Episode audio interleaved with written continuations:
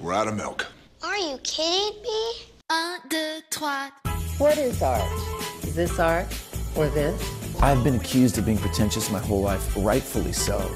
I always encourage young people to be pretentious. Norway. Fish fingers no Findus Norway. We know a certain fjord in Norway. In order to be a great artist, you simply have to be a great artist. There's nothing to learn.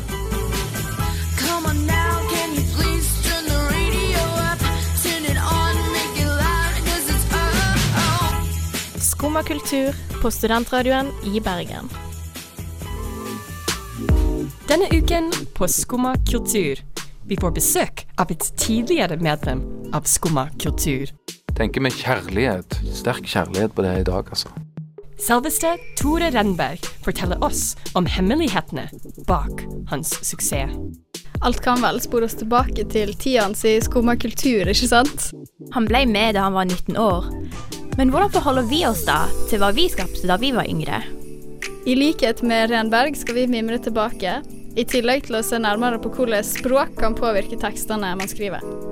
Du hører på Studentradioen i Bergen med Åshild Enstad, Joanne Toher og meg, Samantha Hatten. Hvilket språk velger vi å skrive i? Vi utdyper det straks, men aller først kjører vi i gang med Kanai Katsuko med Mini Mini Girl. Hei, jeg heter Kjersti Andesdatter Skomsvold, og du hører på Skumma kultur på Studentradioen i Bergen. Når man kan flere språk, får man utallige nye anledninger til å uttrykke seg. Men hva skjer når man skriver? Joanna, hvilket språk liker du å skrive i? Engelsk. Ja. ja. Surprise! I know! Sorry, guys. um, jeg skulle, jeg, av og til skriver jeg på norsk, og jeg skulle ønske jeg kunne gjøre det bare for liksom, fordi jeg kan det. Men um, det er ikke så ofte at det er det første språket som kommer ut når jeg velger å skrive noe. Egentlig. Og er det slik at uh, språket Eller hvordan velger du hvilket språk passer da en viss tekst? Er det liksom at språket kommer først, og så uh, finner du ut etter hvert at, at det, kanskje at det faktisk må endre seg, eller hvordan er det for deg? Nei, det er vel aldri at jeg kommer på at- det må endre seg. Jeg har aldri begynt noe på norsk og tenkt hm, engelsk, eller, eller begynt på engelsk og tenkte kanskje jeg tar det på norsk, egentlig. Men en ting, når jeg har skrevet på norsk, så skriver jeg ofte titler på engelsk. Fordi jeg syns det er lett å komme med sånn snappy titler på engelsk, og så syns jeg ofte det er veldig vanskelig å oversette de på en tilfredsstillende måte på norsk, da. Så der. Å, det er veldig interessant at du Mm. blander de da. Mm. Men på norsk finnes det jo to skriftspråk. Ja. Bokmål og nynorsk. Jeg antar du skriver på bokmål. ja. Men uh, Åshild, da har du innenfor norsk har du to valg. Hvilket tider du, eller liker du å skrive? Jeg skriver på nynorsk. Jeg har holdt på nynorsken min. Mm. Det er jo mange som begynner med nynorsk og går over til bokmål pga. Praktiske grunner, men Ja. det er nynorsk for alltid. Eh, men jeg skriver jo av og til Av og til får jeg det over meg at jeg skal skrive på bokmål òg, men da føler jeg liksom som om jeg spiller en rolle, så det er liksom rart å lese. ja, ja. Ja. Det hadde vært for meg hvis jeg skulle plutselig begynne å skrive på nynorsk fordi jeg har ingen nynorsk i meg. for jeg, jeg har aldri tatt nynorsk på skolen, da. Så for meg så hadde det vært veldig konstruert hvis jeg skulle begynne å skrive på nynorsk. Det hadde vært veldig fake, på en måte, for meg, å, å prøve det. Mm. Ja, det hadde vært veldig rart for meg òg å skrive på nynorsk. Mm. Men når det gjelder å skrive på norsk eller engelsk, mer og mer føles det vanlig for meg å skrive på norsk. Åh, Så det er jeg, interessant. jeg uh, hadde mitt første skuespill noensinne nå Ja. i helgen, eller for forrige uke faktisk. Og den kom til meg på norsk, og den ville alltid forbli på norsk. Og det var ikke noe snakk om å oversette det. Eller. Ja. Og det er veldig interessant, for jeg hadde ikke forventet at dette ville skje med meg heller. Men det var veldig interessant måten du, du sa liksom det kom til meg, og Ja. jeg hadde ikke at dette skulle skje med meg, som om skuespillet bare dukket opp inni deg og bare I'm gonna happen, I'm coming out, Norwegian, get ready. Jeg fikk ideen og premisset Ja. mens jeg var foran senken på baderommet. Ah, Og da var det allerede på norsk. Ja. Så jeg håper det skjer igjen, for jeg har ikke hatt en idé om meg på en lignende måte. ja. Men uh, ellers så kan det også føles som jeg er falsk hvis jeg prøver liksom å tenke på Ja, kanskje jeg har et dikt på norsk, kanskje jeg kan oversette dette, men da føles alt så falsk bare og rart. Ja. Men uh, Samantha, hvorfor er stykket ditt som jeg hører bør, hvorfor må det være på norsk? Hva er det i det som ikke kan oversettes? Det er veldig mye uh, humor, humor som ligger om språket inni stykket. Og ikke minst, kanskje jeg, jeg visste alltid at det skulle Hvis jeg skulle kunne iscenesette det, så ville det bli Norge eller i Umaturus i studentteatret her. Så kanskje det var en sånn pragmatisk valg av min hjerne, liksom. Yes, write this in Norwegian, therefore you can actually set it up. Mm. Ja, så Men uh, Ja, nei, det er et veldig godt spørsmål. Det er interessant at man kan ikke uh, Det er vanskelig å skjønne det med en gang. Det er mer sånn at, som du også sa, Joanne, at den teksten må bare bli viss, uh, eller en, en viss språk. Men og jeg skriver du på engelsk noen ganger.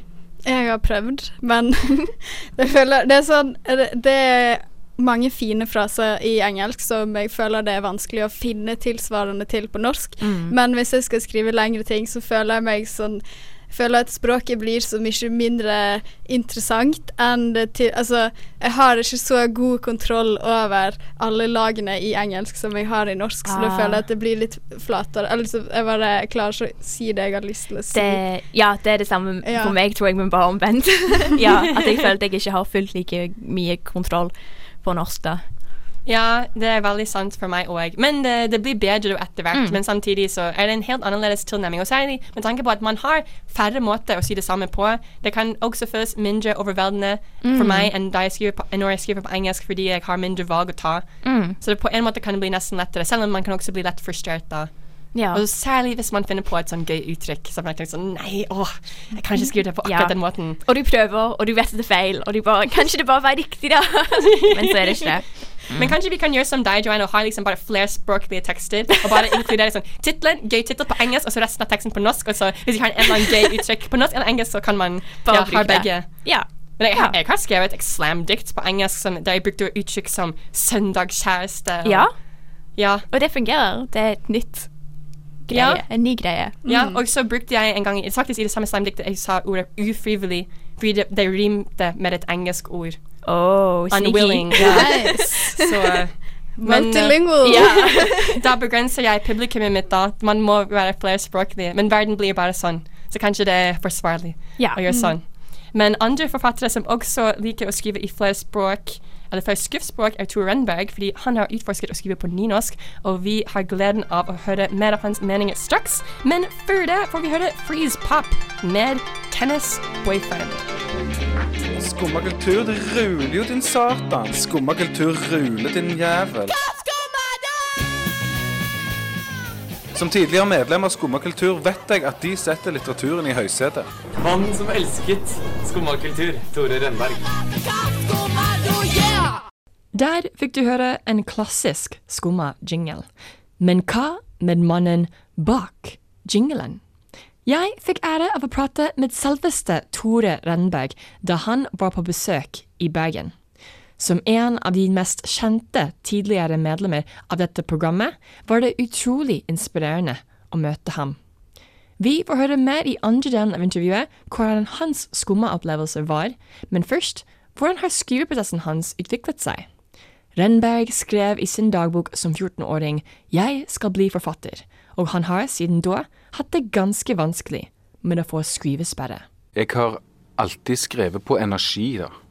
Det har vært min, min motor, har alltid vært min egen nysgjerrighet. Min energi og min kraft, den har vært grunnen til at jeg skriver. Alltid. Um, så det har alltid vært lett for meg i den forstand. Det betyr ikke at det jeg skriver er godt. Så nå beskriver jeg jo bare selve arbeidsprosessen, sant? og grunnen til at jeg, at jeg det hele tatt gjør dette. Dette har ingenting med kvalitet å gjøre, egentlig. Men jeg tror kvaliteten kan komme av det. Fordi at det som du gjør Det som du produserer, og det som du gjør i kraft og i energi og i nysgjerrighet, uten selvplageri, uten selvkritikk, det kan jo ofte ha en karakter av noe uforfalska og noe friskt over seg. Så uh, jeg tror det ligger litt der. Uh, jeg blir veldig selvkritisk etter at jeg har skrevet ting. I etterkant så blir jeg veldig selvkritisk og veldig sånn Å nei, hva kan dette være noe bra? Men jeg, jeg, jeg har nok lett for det. Men jeg vil påstå at grunnen til at jeg har lett for det, det er at jeg, eh, at jeg er så nysgjerrig på det som jeg sjøl skriver om. Det er forutsetningen. Og den nysgjerrigheten også vises frem i det mangfoldet av ulike skrivinger som du har eksperimentert med, også i tillegg musikk. Så hvordan navigerer du hva du har lyst til å prøve nest, eller hva du har lyst til å bli oppslukt i nest?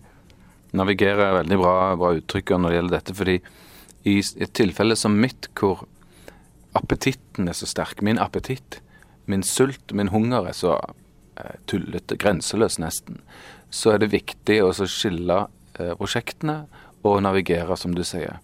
Hva skal jeg gjøre nå, og hva skal jeg gjøre nå, og hva skal jeg gjøre nå? Separere dette. Hvis det ikke blir det bare rot og kaos på kontoret.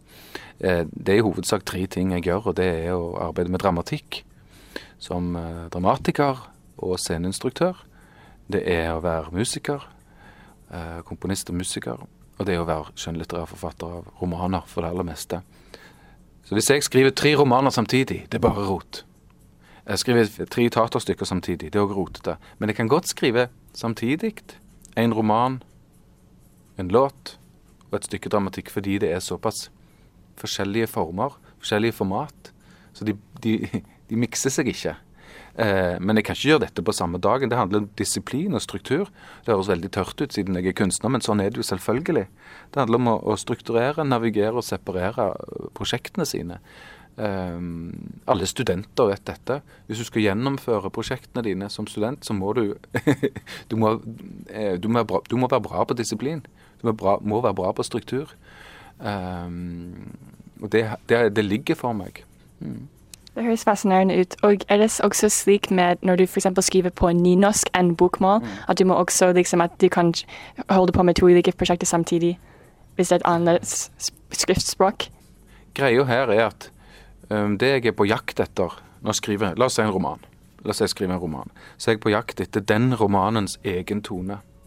Ikke din tone, ikke min tone, ikke din søsters tone hvis du har en søster, eh, osv., osv. Men den romanens tone. Hvordan er det denne romanen synger? Eh, når du finner det, så kan du, hvis du har historien og hvis ting klaffer, så kan du skrive romanen. Hvis du ikke finner den tonen, så vil den romanen bli mislykka, tenker jeg. Så har jeg skrevet bokmål i alle år. Alltid skrevet bokmål. Og vi lever jo i dette landet hvor vi har to skriftspråk. Det kan folk mislike eller like, men sånn er det. Uh, og så skulle jeg skrive en bok i fjor som handler om mental helse. Handler om tøffe ting, harde ting, vanskelige ting. Sånn, historien var lagt til en bygd, osv. Og, og så begynte jeg å skrive på bokmål, men da oppsto det Hei, klangen, tonen. Pff, dette er dårlig. Tore Renberg, her sitter du og skriver, sa jeg til meg sjøl, og det er dårlig. Det er elendig. Eh, hvis du kan få se for deg dette, ideen er god. Du sitter, du er helt sikker på at det du skal gjøre nå, det er Du har et bra prosjekt. Så begynner du å jobbe. Hei, sier du til deg sjøl. Dette fungerer ikke. Hvorfor fungerer det ikke? Eh, I mitt tilfelle jeg, så, jeg tenkte det er tonen. Det er tonen som ikke er riktig. Det synger falskt. Og jeg ble veldig frustrert, og jeg hadde eh, noe som ligna på skrivesperre i noen dager. Og, og jeg klødde meg i hodet på hva som var galt. Og så våkna jeg opp en morgen og så tenkte jeg Akkurat. Nynorsk. Det fins ett språk til i dette landet. Hva om du skriver dette på nynorsk? Det er lagt til en bygd, det er lagt til Vestlandet. Så begynte jeg å skrive på nynorsk, som jeg ikke hadde skrevet siden skolen. Og jeg er 45 år. Så det er lenge siden. Det er liksom Hei, det, det, hvor gammel er du? 21. Akkurat, ja. Det er lenger enn du har levd siden. Jeez. sant? Men OK. Eh, og så skjedde det mest vidunderlige. Jeg setter meg til, litt nervøs. Skriver på nynorsk. Uh. Begynner jeg å skrive, så bare Flyt, tone, troverdighet, eh, autentisitet. eh, eh, Alt bare klaffa. Så det, det, det var et slags bevis for at den um, tenkemåten er korrekt, da, kan du si. At uh, det trenger ikke være materialet ditt som det er noe i veien med. Det trenger ikke være ideen det er noe i veien med, men det er formen, tonen, ja, disse forskjellige tingene. I dette tilfellet her var det klang og språk. Og Da kunne jeg skrive den romanen. Og jeg det ofte med deg at du kan begynne på et prosjekt og innse at å, nå trenger jeg å forandre i en, en helt annen retning med dette her. Du innser at klangen treffer det ikke, f.eks. Mm. Eller som oftest er, du, er det slik at du vet hva du går inn, inn i for noe. Det skjer veldig ofte. Det er ikke så ofte, faktisk aldri, at, eh, at eh, virkemiddel har vært så drastisk som å skifte språk. I dette tilfellet fra bokmål til nynorsk, da. Men det skjer veldig ofte at i starten av et prosjekt, en låt som du skriver, teaterstykke, hva som helst, at det er det så knirker det. Altså konstruksjonen knirker. Formen, klangen, hva det er. Og så må det eh, Som du arkitekt, som om du er en arkitekt, og så må du, må du flytte på en del, og du må holde på, og så jobbe deg inn i det. Eh, det skjer veldig ofte.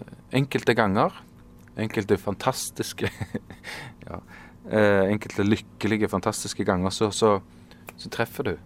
La oss si du er idretts, eh, idrettsmenneske. La oss si du er mm, stuper, da.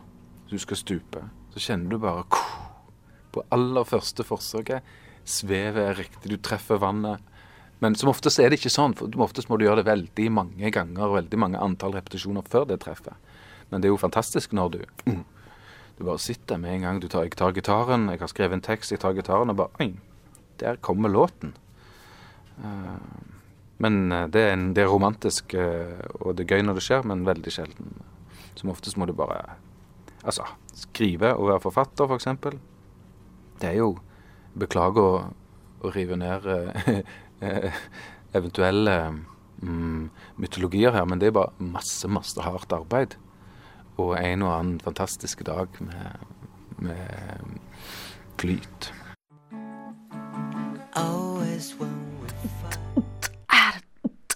Skumma, skumma, skumma kultur. Der fikk du høre The Wannadies med You and Me. Hvilke dikt skrev vi i Skumma kultur da vi var yngre? Det, kjære lytter, får du gleden av å høre senere i sendingen, men først skal vi mimre tilbake med Tore Rønberg om hans tid i ditt yndlingskulturprogram. Rønberg debuterte da han var 23 med Sovende floke, og hans forhold til anmeldelser har endret seg ganske mye siden da. Jeg tror nok jeg var veldig mye mer opptatt av det da jeg debuterte som forfatter, for eksempel, og leste kritikk og, og, sånn, og så blir du litt eldre, og så kjenner du at det merkelige skjer at huden blir tynnere, ikke tykkere. Og det var en overraskelse.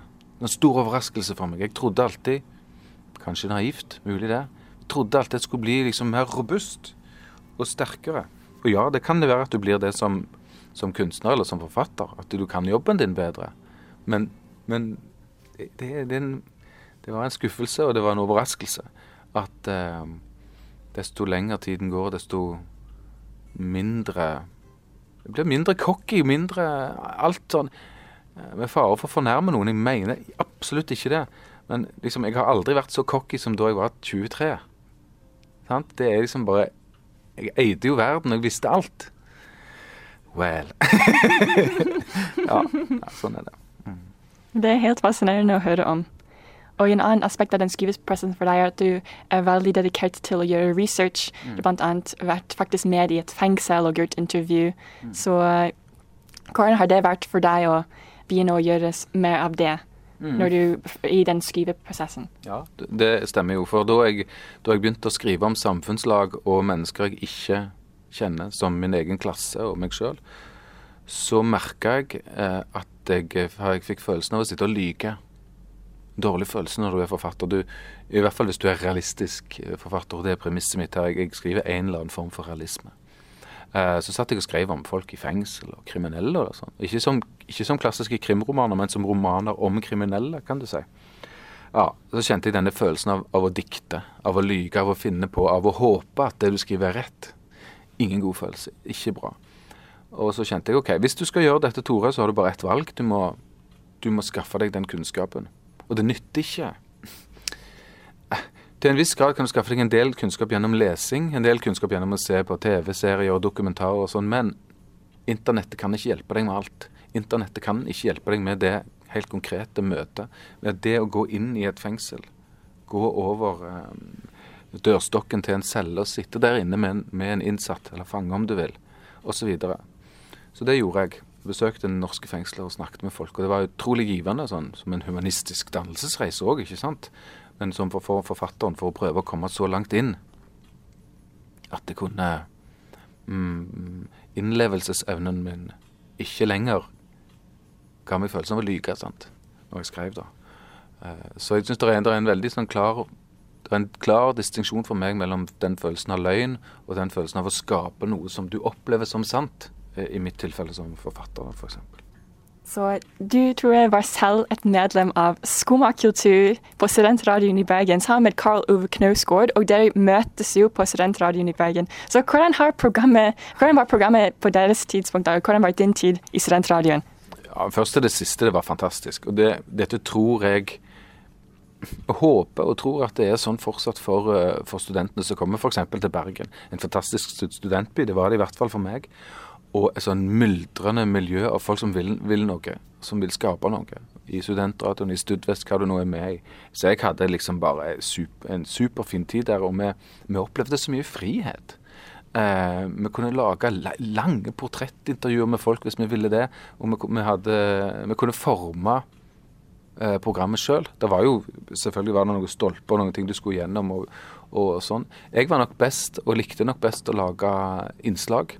Jeg var ikke så trygg den gang på å sitte i studio og være sånn eh, pratetype. Litt merkelig, for det er jo det jeg er i dag.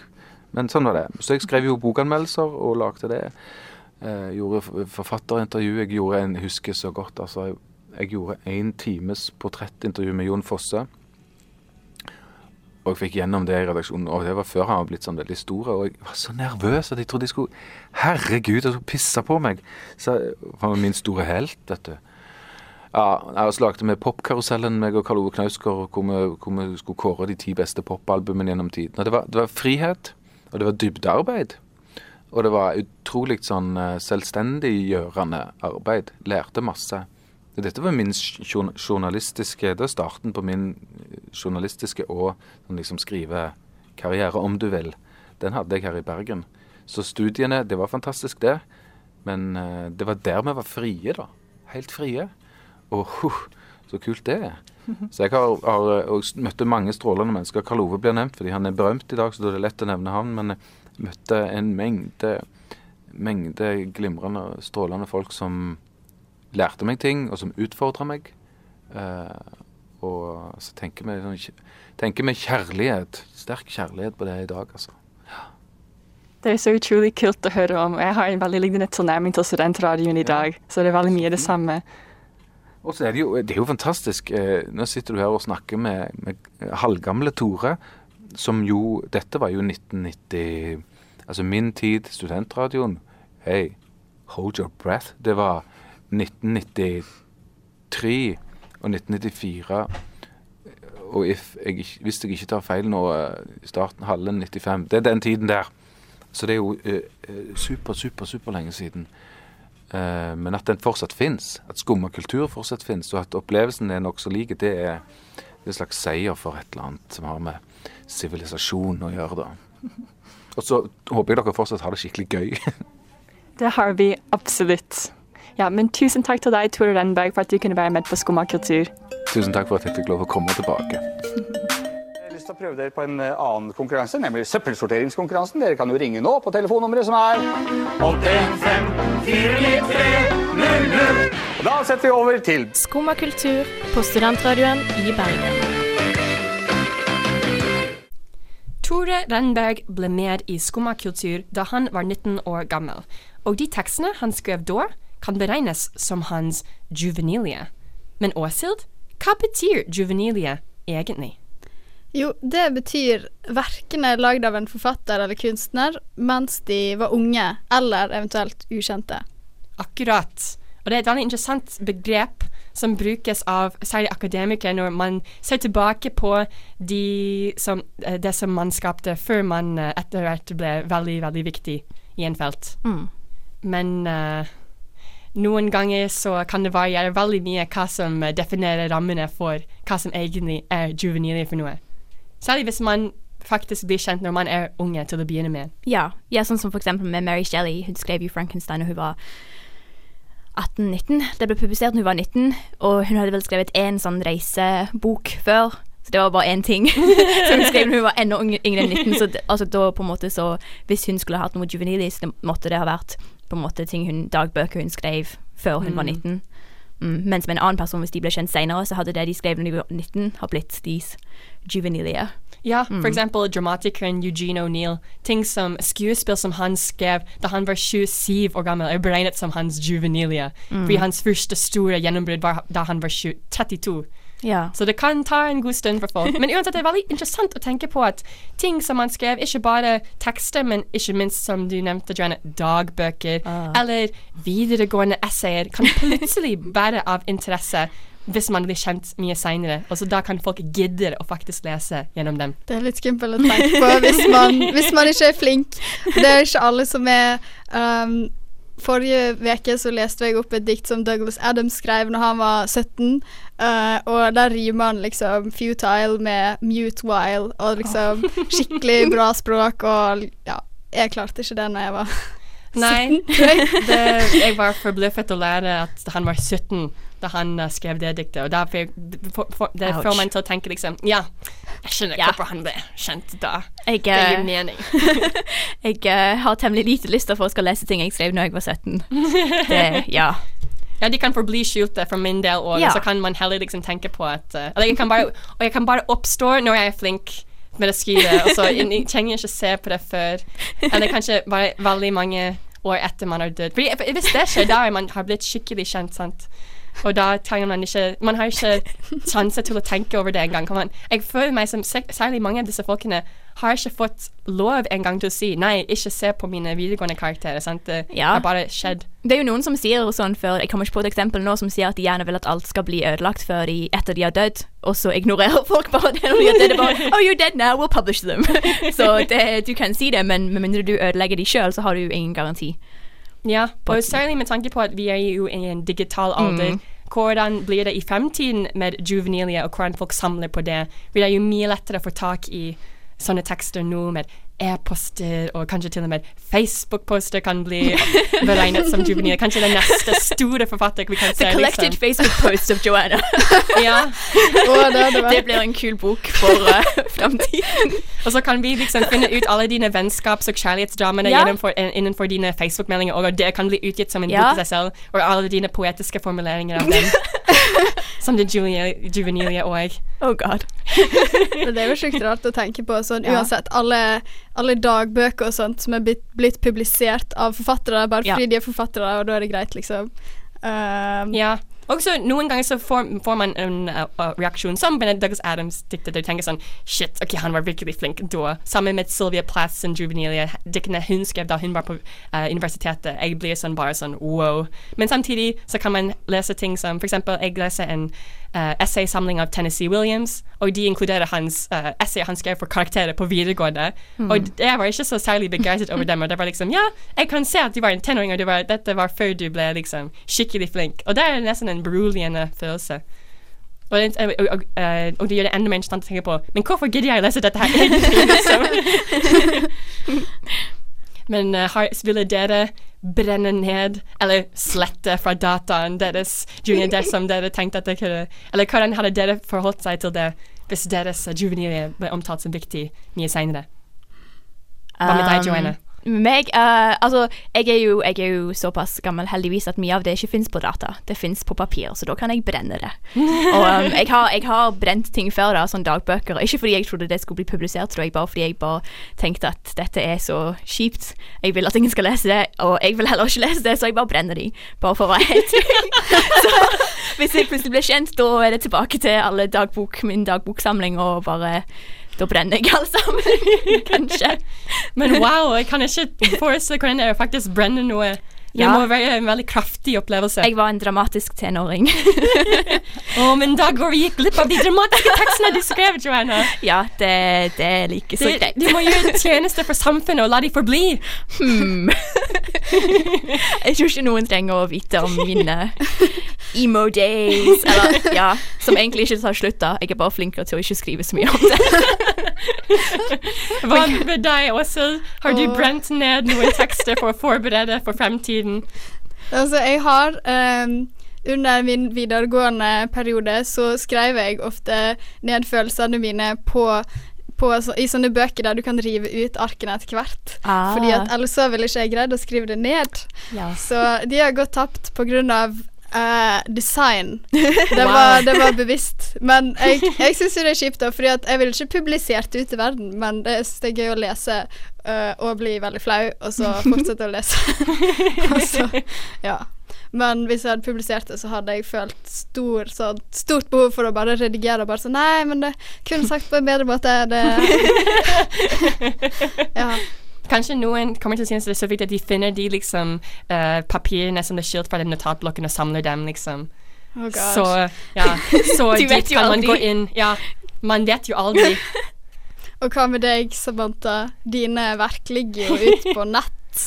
Det gjør det faktisk Uh, en god del av dem, og det var veldig gøy å se på min Yahoo-e-post for å finne noen av som jeg ikke har sett i veldig mange år. Men jeg, ikke, jeg kunne aldri brenne ting, tror jeg. jeg. Jeg liker å kunne lese tilbake, og jeg liker ikke tanken på å kanskje gjøre en uhell, eller liksom tenke på å shit, jeg faktisk har lyst til å lese det igjen. Men Mm. samtidig så eh, det, jeg kunne ikke, det har vært så rart. Jeg hadde absolutt den samme liksom, reaksjonen med at jeg ville ha lyst til å redigere på det og tenke på liksom nei, du kan ikke. Jeg vil helst skjule det.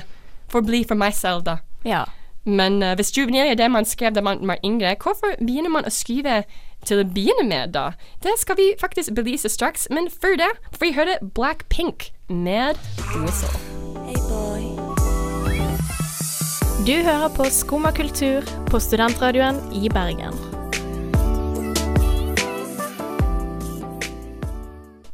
Juvenilia innebærer hva man skrev eller skapte da man var yngre. Men hva får man til å begynne i det hele tatt? Hvordan var det for deg, Joanna, da du begynte? Ja, det var jo en åpenbaring fra himmelen. Nei da. Your muse found you. descended from the sky and said, Joanna, here is a pen, a magical pen for you to write with. You're a writer, Joanna. Og da skjønte jeg. It chose you. Yes. Writing chose This- you. Ja, ja, det var det som skjedde da jeg var fem. Så ble jeg valgt. um, n- ja um, jeg, var, jeg var veldig, veldig veldig, veldig glad i å lese når jeg var liten, da. Og jeg har blitt fortalt at jeg likte å Jeg la meg med masse bøker, liksom. Jeg bare hadde de som bamser i sengen med meg. og, og under puten min, og liksom i det hele tatt. Så jeg var jeg, det, det er jo derfor. Fordi jeg likte så mye å lese, og da på et eller annet tidspunkt så gikk jeg over i å prøve å skrive sjøl. Kjempesøtt av Mm. det bildet med deg og bøkene Ja. i sengen. Å, Ja, så koselig. søtt eller trist, eller jeg, These are my friends. jeg elsker bøker, jeg også. Jeg stemmer Mm. for søtt. Men Mm. hva med deg også? Har du et lignende forhold til bøker da? Ja, jeg òg elsker bøker. Jeg elsker biblioteket og lesing. Uh, men jeg var ikke så glad i å skrive, egentlig. Når jeg var Eller altså, jeg, jeg tror at uh, fram til kanskje videregående så skrev jeg kun på skolen. Mm. Når jeg ble tvunget til å skrive på skolen. Og så um, Ja, fordi at jeg tror at når jeg begynte å utvikle skrivestilen min, det var egentlig mer når jeg skrev dagbøker og sånne ting. Så det var yeah. liksom ikke tekster, men bare ting. Følelser og sånn. Sånn som man skriver. Ja. i dagbok. ja. Men etter hvert så fikk du den listen lysten til å eksperimentere med å skrive dikt, f.eks. Ut Mm. de dagbøkskrivingene. Ja, jeg tror at jeg begynte å skrive dikt i forbindelse med at jeg begynte å henge på Twitter og las folk skrive Twitter-poesi. og jeg tar litt avstand fra veldig masse av den sfæren, for det er veldig masse veldig dårlig. sånn, det er bare sånn Ja. Eh, litt fine formuleringer, og så er det alltid om hun som drog, og eh, liksom hva en, Et eller annet ordspill Ja, uansett. Um, Veldig interessant for, for deg at det skjedde med deg litt seinere, da. At du ble interessert i Mm. skrivingen, og at Twitter hjalp med det. For det var veldig annerledes for meg. Eller det Ah. var liksom vari veldig varierende. Er det, når jeg leser mine gamle um, report cards, vi kaller det på engelsk Jeg har alltid blitt beskrevet av lærerne mine som noen som er flink til å lese, eller liksom kan lese vanskelige tekster og, og så kunne skrive. Men det var ikke noe som jeg Jeg skrev litt sånn tøysete dikt Ja. da jeg var liten, men det var ikke før ganske mye seinere at jeg begynte å ta det mer på alvor. Og det var på grunn av at jeg møtte dere i Ah. skrivegruppen. Eh, da jeg var Og vi bare- i Norge, hadde ingen venner. Og så tenkte jeg så shit, disse knokene de er så kule. Jeg må få henge med dem. Og OK, den skrivegruppen. Jeg kan sende en tekst en i ny og ne for ikke å virke altfor rar foran dem. Så, eh, og så skjedde ting bare etter det. Det føles ut som det var vi som var sånn Come on, get serious now. If you want to hang out with us. Jeg var veldig selvbevisst da. Det var alltid hyggelig fra utgangspunktet. Men jeg følte meg et slags press. At jeg ikke Ah. kunne bare bli med hver eneste uke på en skrivegruppe uten å dele og, og Mm. by på meg selv. Mm. Jeg også. Ja. Ja. you have to earn your place among the cool poets. Men ja, jeg tok til og med et skrive, kreativt skrivingkurs på videregående, Mm. men det var fordi jeg ville ha den læreren, og Ah. ikke fordi jeg skrev i det hele tatt. Som er så rart for meg å tenke på nå, fordi det liksom, hallo, selvfølgelig hadde jeg, skulle, skulle jeg ha hatt lyst til å gjøre det, men det var en latent, eller en latent uh, Ja. list hos meg. Jeg var veldig glad i å skrive veldig sånn dramatiske historier når jeg var yngre. Alt var liksom skilsmisse og affærer og alkoholisme, og jeg, bare, jeg vet ikke helt hvorfor. Men alt var veldig sånn oh my gosh, intens. Jeg skriver ikke så mye sånt lenger. Nei. det har roet seg ned Ja, det har roet seg ned, ja, ja. men skrivelisten er fortsatt sterk. Ja, ja. Ja, Men vi er ikke mer i den skrivegruppen lenger. Men vi skriver fortsatt. Ja. Men uh, det er veldig, veldig veldig gøy å tenke på. Hvorfor begynte man med det til i det hele tatt, egentlig? Og kjære lytter, du får et utdrag av noen av disse vidunderlige tekster fra way back when. Men før det, vi må høre en ny låt. Her er Imcito featuring Jonas V med Vin og Jus. Du hører på Skumma kultur på Studentradioen i Bergen. Nok prat om juvenilia. Hva har vi skrevet selv? Nå får du den privilegiumen av å høre bitte litt av det verden har foreløpig gått glipp av.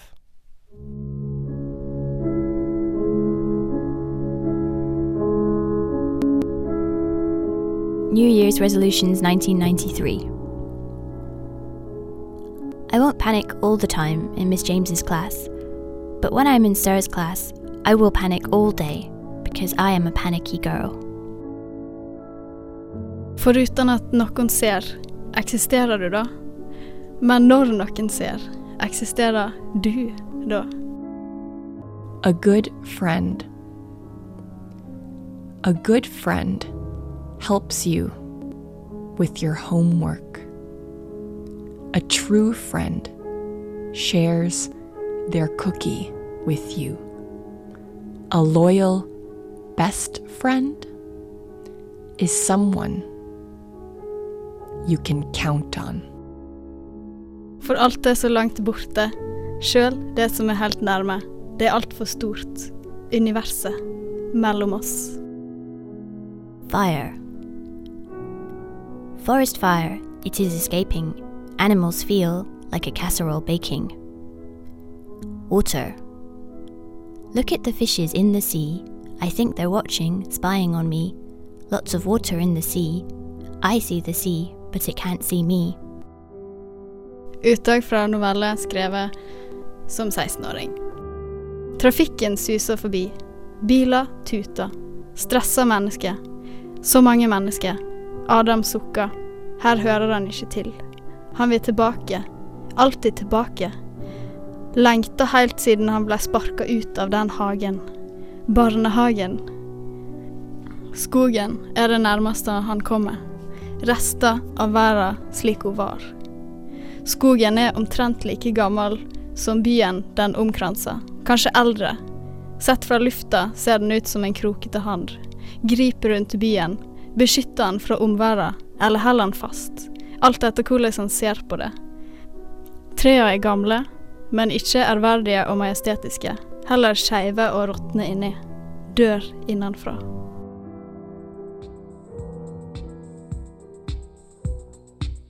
Var alt vi rakk denne uken her på Skumma kultur.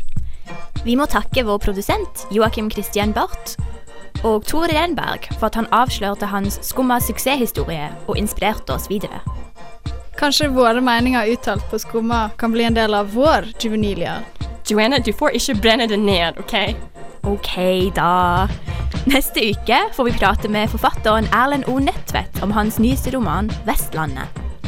Hvem vet, kjære lytter, kanskje vi blir invitert tilbake til Skumma kultur i framtida for å bli intervjua sjøl. Psyk. Nei da. For en siste låt her er Dream Baby Dream med Suicide. Vi høres igjen om en uke.